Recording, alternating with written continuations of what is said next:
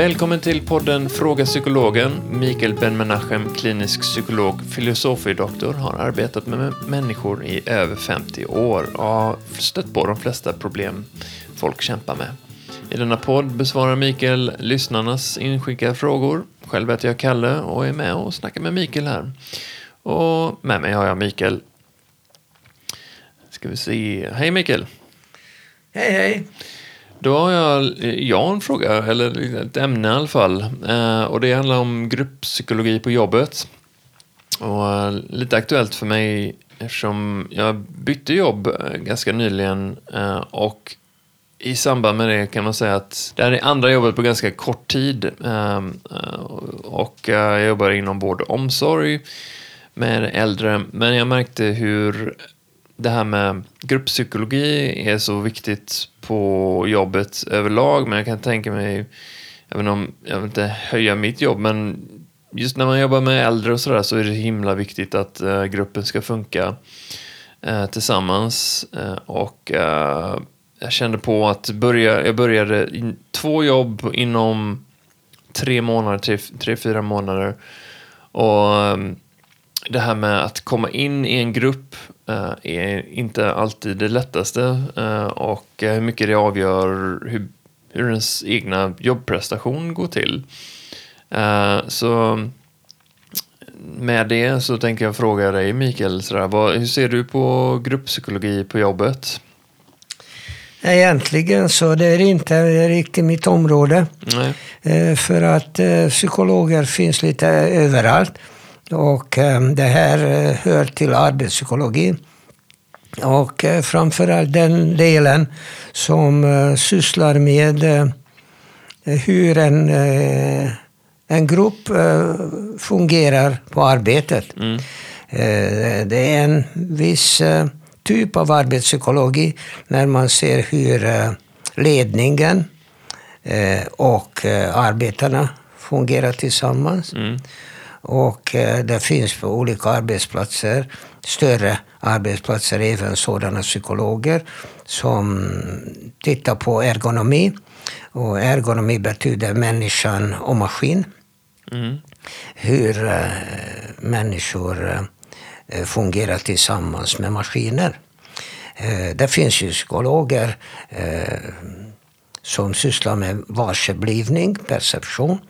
Eh, det finns eh, Volvo till exempel, där eh, de gör vissa bedömningar hur olika instrument ska utformas och hur snabbt en människa kan uppfatta vissa signaler från dessa instrument. Oerhört viktigt. När det gäller en arbetsgrupp så, som består av många olika människor. Och eh, dels det är väldigt viktigt om de har samma ställning eller om det är en sorts hierarkisk eh, uppsättning. För att eh, om vi ser till exempel en vårdavdelning mm. Eh, så, så har du där eh, avdelningssköterskan, sköterskor, eh, läkare, biträde Eh, Eh, och en del specialister som kommer in. Och det kan vara sjukgymnaster eller logopeder eller eh, arbetsterapeuter. Och ja, man kan eh, nämna en hel del andra. Och eh, egentligen så de som kommer utifrån, de har lite lättare för att de liksom kommer från en annan miljö och de behöver inte direkt ingå i arbetsgruppen som då oftast består av sköterskor och, eh, och undersköterskor i princip. Mm. Och eh, deras chef eh, som ofta är en avdelningssköterska. Och då vad du frågar, det här gäller just den gruppen som består i socialt jämförbara mm. människor, så att mm. säga. Mm. Fastän där finns också, som du vet bättre än jag, en rejäl skillnad. Så snart man har det här lilla emblemen uppsatt mm. Eh, så, så betyder det att eh, det är en sköterska. eh, som har en, en högre och längre utbildning än sjukvårdsbiträden eller undersköterskor.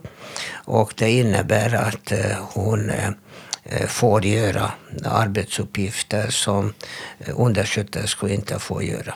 Men det, det är mycket flytande nu för tiden.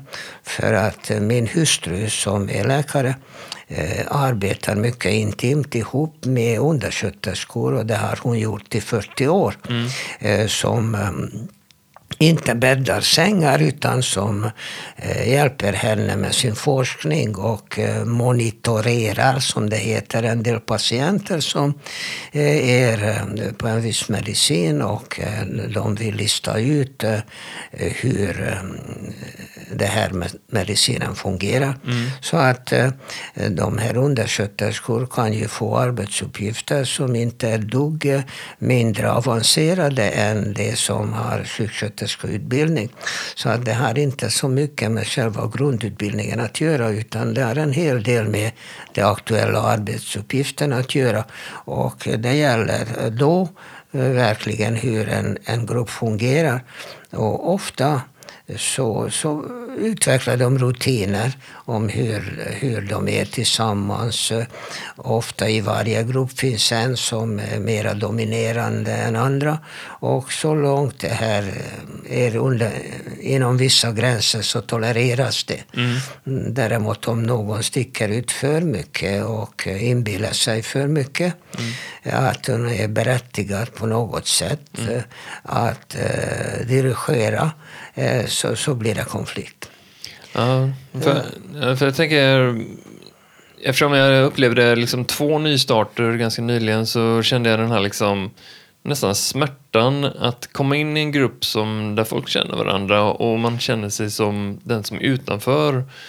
Uh, nu har jag lärt mig att liksom hantera det. Förr i tiden så tyckte jag det var skitjobbigt och uh, behöll mig liksom rätt mycket på ytterkanterna av gruppen. Och till och med upptäckte att jag pratar inte om att vi jobbar utan ni jobbar och att jag är liksom någon slags satellit runt den här gruppen som aldrig får komma in. Men, men jag har lärt mig att okej, okay, liksom får nästan slänga mig in i den här nya gruppen som har sin etablerade jargong och gruppdynamik och allting sånt där och bara liksom go with it. Eh, och att i slutändan är det värt det. Eh, för att, ja. ja, men eh, det är inte säkert att eh, just eh, den gruppbeteende som du möter när du kommer till en arbetsplats är, eh, är det bara att anpassa sig och så går det bra. Mm. Men eh, så är det inte alls. För att du har ju dina idéer och dina tankar, det är en parrelation. Ja, verkligen. För att du till exempel första arbetsdagen Eh, upplever att de behandlar en patient på ett sätt som du tycker inte om. Mm. Du tycker att, eh, att eh, den här patienten borde ha mycket större respekt. Alltså om du ser att dina kollegor som du har precis bekantat dig med. Yeah. Du sa ha en viss jargong. Ja. Eh, jargong eh, kan betyda många saker. Eh, det, det, kan bara betyda hur de brukar säga om vissa saker. Men det kan vara mycket derogativt. Det, det, det, kan vara hur de talar om patienter som, som du tycker inte om. Du tycker att, att de borde inte göra så. Eh, Det kan vara nedvärderande eh, på olika sätt. Och frågan är då, ska du då acceptera eh, det här, deras jargong bara för att du blir accepterad? Mm. Eller går du emot det och då har du på dig en hel del eh, anmärkningar och socialt tryck och han, nu kommer han med sina idéer och mm. allt sånt här. Så det, det är inte så lätt egentligen.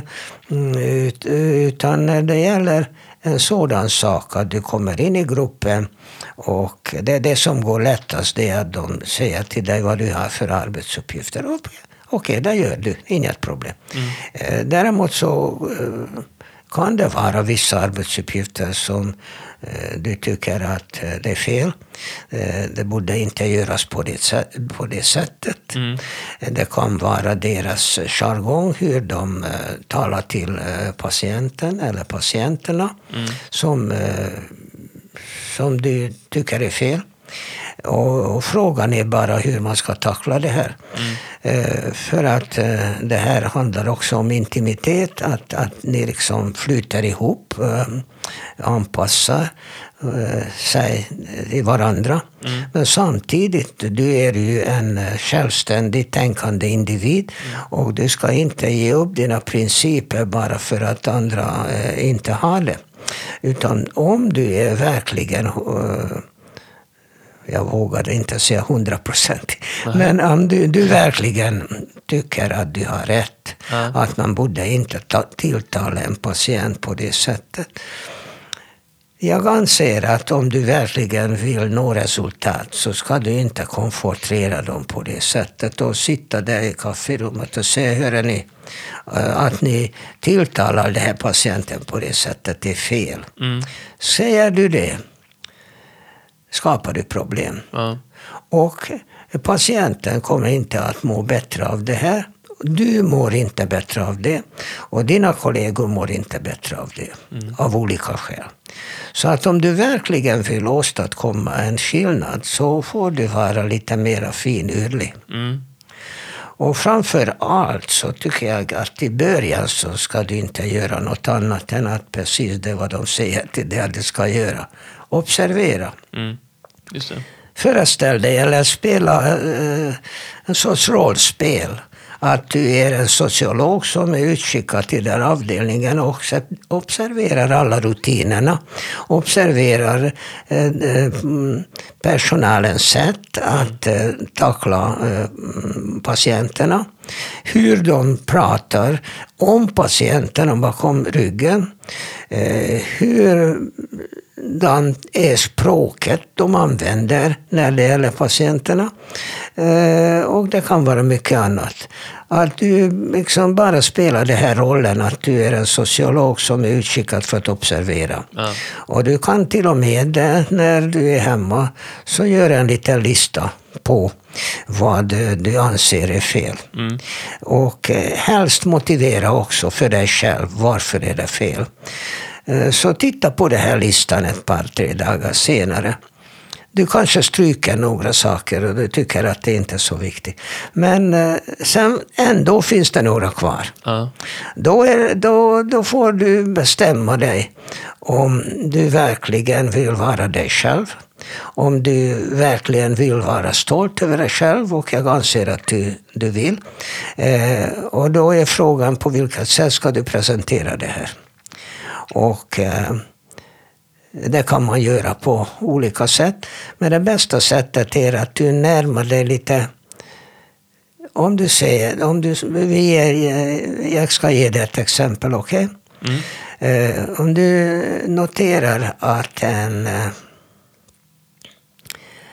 en kvinna eh, ofta har det svårt, en patient har väldigt svårt att eh, att eh, hålla sig torr under natten. Mm. Trots att personalen tycker att hon kunde gå upp till, eh, ut till toa. Hon mm. är kapabel att göra det. Mm. Eh, och de börjar eh, prata till den här patienten och kommer och säger Ja, har du kissat på dig igen? Mm. Det är oerhört eh, eh derogativt. Mm. Och eh, den här stackars kvinnan kanske har olika sorters problem som gör att, att hon kissar på sig. Mm. Eh, så hur, hur ska du säga det till dina kollegor? Att säg inte så. Mm. Eh, utan alltså din, din åsikt, eh, dina tankar kan ju vara lite olika kring det här. Dels så vill du förstå först varför hon kissar på sig. Ja. Eh, du kan också se det i längden. Brukade hon göra det? Eller är det en ny företeelse? Har det hänt någonting innan? Vad var det som medicinskt eller beteendemässigt har gjort att hon kissade på sig? Det är väldigt viktigt att förstå det lite bättre. Mm. Och eh, när ni sitter och dricker kaffe och resonerar om, om, om den här kvinnan, eh, bland annat, så säger du att, ni vet, jag har funderat över det här för att jag var nyfiken om hur, hur hon har utvecklat det här. Ja, just det. Eh, jag bara säger de första meningarna. Ja. Då låter det här inte som en anklagelse äh, gentemot gruppen. Mm. Alltså allt som du ska säga om det här trots att du säger det vad du vill säga. Yeah, utan hur du paketerar det. Exakt. Och eh, det kräver lite träning. Men alltså om du kan vara stolt över dig själv, eh, då gör du, om du lyckas paketera det på ett så elegant sätt mm. att ingen i gruppen tar det som en sorts anklagelse. Nej. Ja, men det är ett fiffigt sätt att belysa eh, vad som händer från ett annat, ja precis, mindre personangrepps... Eh, Eh, så någonting som kan upplevas som att man eh, begår personangrepp utan... Alltså inte, inte ens... Eh, inte ens en läkare som kanske eh, rent eh, arbetsmässigt skulle ju vara i högre position. Eh,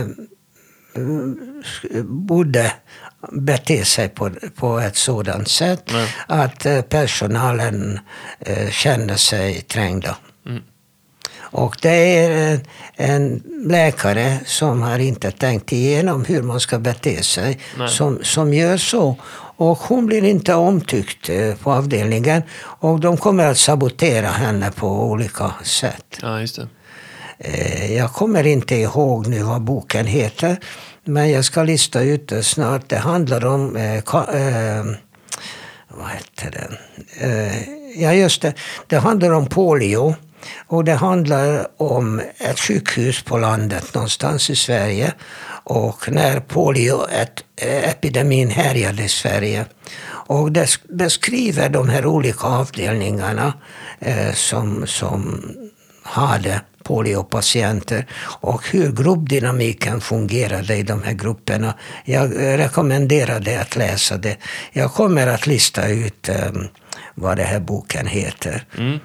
Det här handlar om Sverige och hälsovård i Sverige 50-talet. Mm. Men när det gäller eh, grobbeteendet, det har nog inte ändrat sig nämnvärt. Det tror jag inte heller. Mm.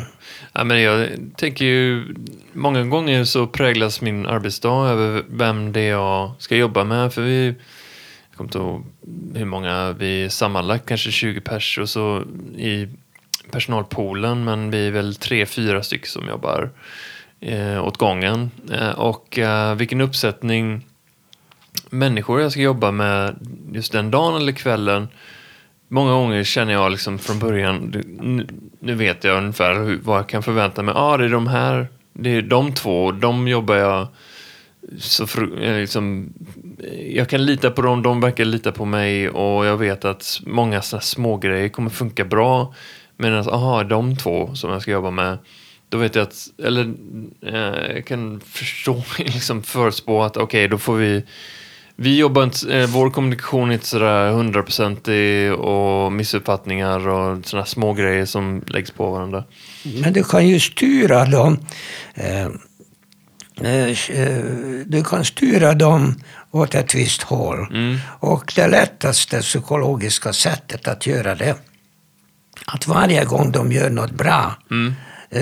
så ger du feedback omedelbart. Just det. Och säger sådana saker vad bra! Mm. Jag har aldrig tänkt på att man kan göra på det sättet. Vad ja, du är duktig på det här. Mm. Medan när de gör någonting som du inte tycker om, du inte tycker att det är rätt, mm. så ser du ingenting. Och eh, det här fungerar bara du kör med det här ett par veckor. Kommer du att upptäcka att du leder dem utan att eh, du har sagt någonting Ja, direkt. Utan du kan styra dem åt det positiva hållet genom att på något sätt så förstår de vad är det för sorts saker som de får beröm för. Mm. Det. Det är faktiskt. Så kör man också i olika betingningsmodeller. Ja. ja, men det är jätteviktigt det du säger. att eh, det, är må- det tror jag många har svårt för att göra. Liksom, bara lyfta sånt. Så, Fan vad bra du gjorde det. Eller vad som helst. Vara liksom eh, ärligt ehm, öppet med det. Uh, tror det behövs mer sånt. Så. Och eh, bara som hemläxa, så eh, jag skulle rekommendera dig en sak som jag själv har lärt mig av en patient. Mm. Eh, Och han sa så här, eh, Mikael, du behöver inte alltid svara. Och jag säger, va? Alltså, när, när, du frågar, när du frågar mig någonting, Ja. jag måste svara.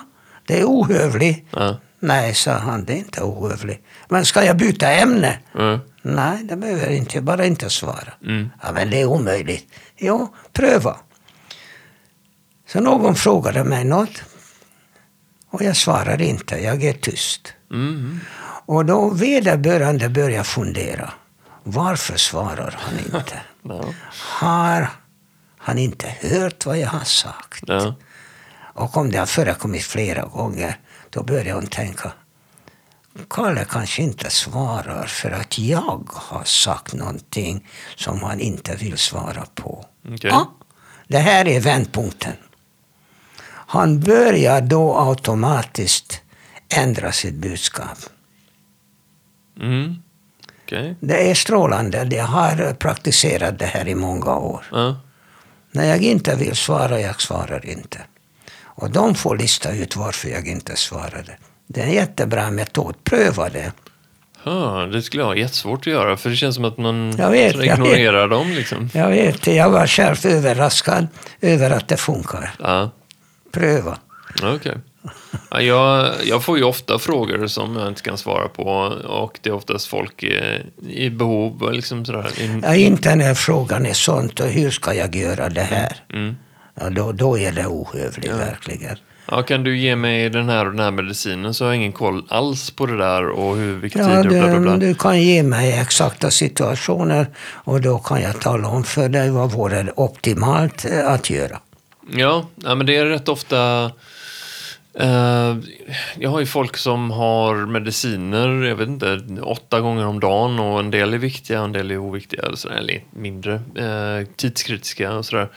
Men ehm, om, om de frågar om eh, till exempel, ah, ska jag, få, jag skulle få min medicin nu sådär, och, har, och jag har inte, eh, känner inte till rutinen sådär. Ehm, Uh, ja, till exempel när man inte vet hur man ska svara. Uh, och det händer rätt ofta. Vad skulle du säga är ett bra sätt att bemöta men nu pratar du om en situation, en patient och eh, personal.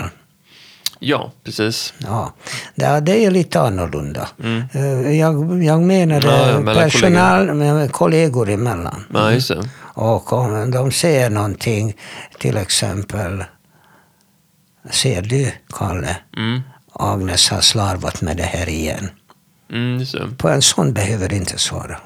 Nej, just det. Det kan jag verkligen hålla med om. Att... eh, att s- Jaha, okej. ja, det är liksom bara kasta bränsle i, i elden. Att de fiskar efter någonting nästan. Bekräftelse över det de känner. Men när- när en patient frågar om hon ska ha medicin eller inte. Mm. Det, det, ska, ja, om du inte vet, så ska jag ska kolla upp det. Ja, precis. Ja, då ska du svara, absolut. Mm. Nej, men det kan jag hålla med Nästan skvallervariant eh, mellan kollegor och sådär. Det, det brukar jag sidosteppa liksom så mycket som möjligt. Och när de börjar baktala någon eller par, prata med någon som inte är närvarande. Ja. Du behöver inte blanda dig i det här och situationen. De kommer att upptäcka snart att du deltar inte i det. det. här. Och då börjar de fundera över vad de gör. Det, det, där kan jag hålla med. Att tystnad är nog uh, silence is golden. Ja. Men praktisera lite sånt här, det kan vi ju vara rätt så belönande. Mm. Ja, det är ju, att jobba med kolle- kollegor är ju en sorts relation, eh, verkligen sådär, en, eh, lång, som man får jobba långsiktigt med också. Ja, för att du som är nykomling, eh, du är alltid i den lägsta positionen. Det, Ja. det går inte att ändra på. Nej. Det går inte att ändra på. Nej. Eh, Och eh, det, det är ju väldigt jobbigt. Det är ungefär som invandrarens eh, position. Just det. Eh, och det är ju intressant för att en invandrare eh, utgår ifrån att, att hon inte kan någonting. Och eh, till exempel när det gäller olika eh, saker i, det, i, i, administrationen och i, i det sociala Sverige så jag vågar eh, säga att invandrarna vet om, om de olika reglerna bättre Ja. än en infödd eh, svensk som tror att han kan. Fastän de ändrar ju reglerna hela tiden om allting. Visst. Och de hänger inte med. De tycker att det räcker att jag är svensk, jag kan det här. Men de kan inte det. Utan det är invandraren som, som är mera eh, behövande av att kunna. Ja, just det. kan mera. Ja. Och eh, det, på ett sätt så det kan bli irriterande när deras eh, svenskfödda kollegor upptäcker att de här eh, utlandsfödda kollegor kan en del saker bättre. För att eh, de utgick ifrån att de inte kan det. Och eh, ibland så kan det vara irriterande. Så, så snart en invandrare börjar prata svenska, då är det fortfarande den infödda svensken som är i högre position. Inget problem. Men när det här invandraren blir så bra i språket att börjar använda ord som kanske den svenskfödda kollegan inte känner till, ja, då blir det problem. Så att man, kan, man får inte utvecklas för mycket. Eller så gör man det så får man välja sina ord när man befinner sig i en viss grupp. Just. Ja, men det är grupp, man är ju ändå där liksom åtta timmar om dagen så att det är, man behöver jobba på de relationerna. Men eh, låt mig säga så här som eh, slutkläm. Ja, Att eh, utgå ifrån att det mesta, de flesta saker de gör är okej. mm, Att det där du har en viss eh, tveksamhet eller irriterad över eller tycker att, eh, att det kunde göras bättre. Det hamnar ungefär i det här 10% området. Om du har den allmänna eh, tanken så, så försök att eh, göra vissa små ändringar i det här 10% området.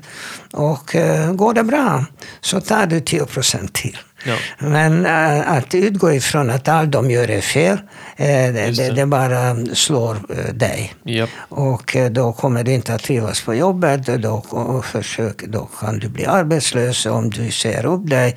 Eh, Det är kanske svårt att hitta ett nytt jobb. Och om du hittar ett nytt jobb så blir det samma problem Mm. Ja, igen. tar du, du, ham, ja. du hamnar lägst och, eh, och alla kan allting bättre än du. Så att eh, och det kan handla om en läkare också, att det inte bara för att du kan saker sämre än dem, utan eh, du är ny i rutinerna Ja. helt enkelt. Det finns ju speciella rutiner överallt och man får finna sig i för att börja med, annars så, så blir det problem från första dagen. Ja, det är inte så dumt att ha den attityden och utgå från att folk vet vad de gör tills de bevisar motsatsen kanske. Ja, men det ska man bevisa på ett elegant sätt. Ja, exakt. Ja, men eh, gött Mikael.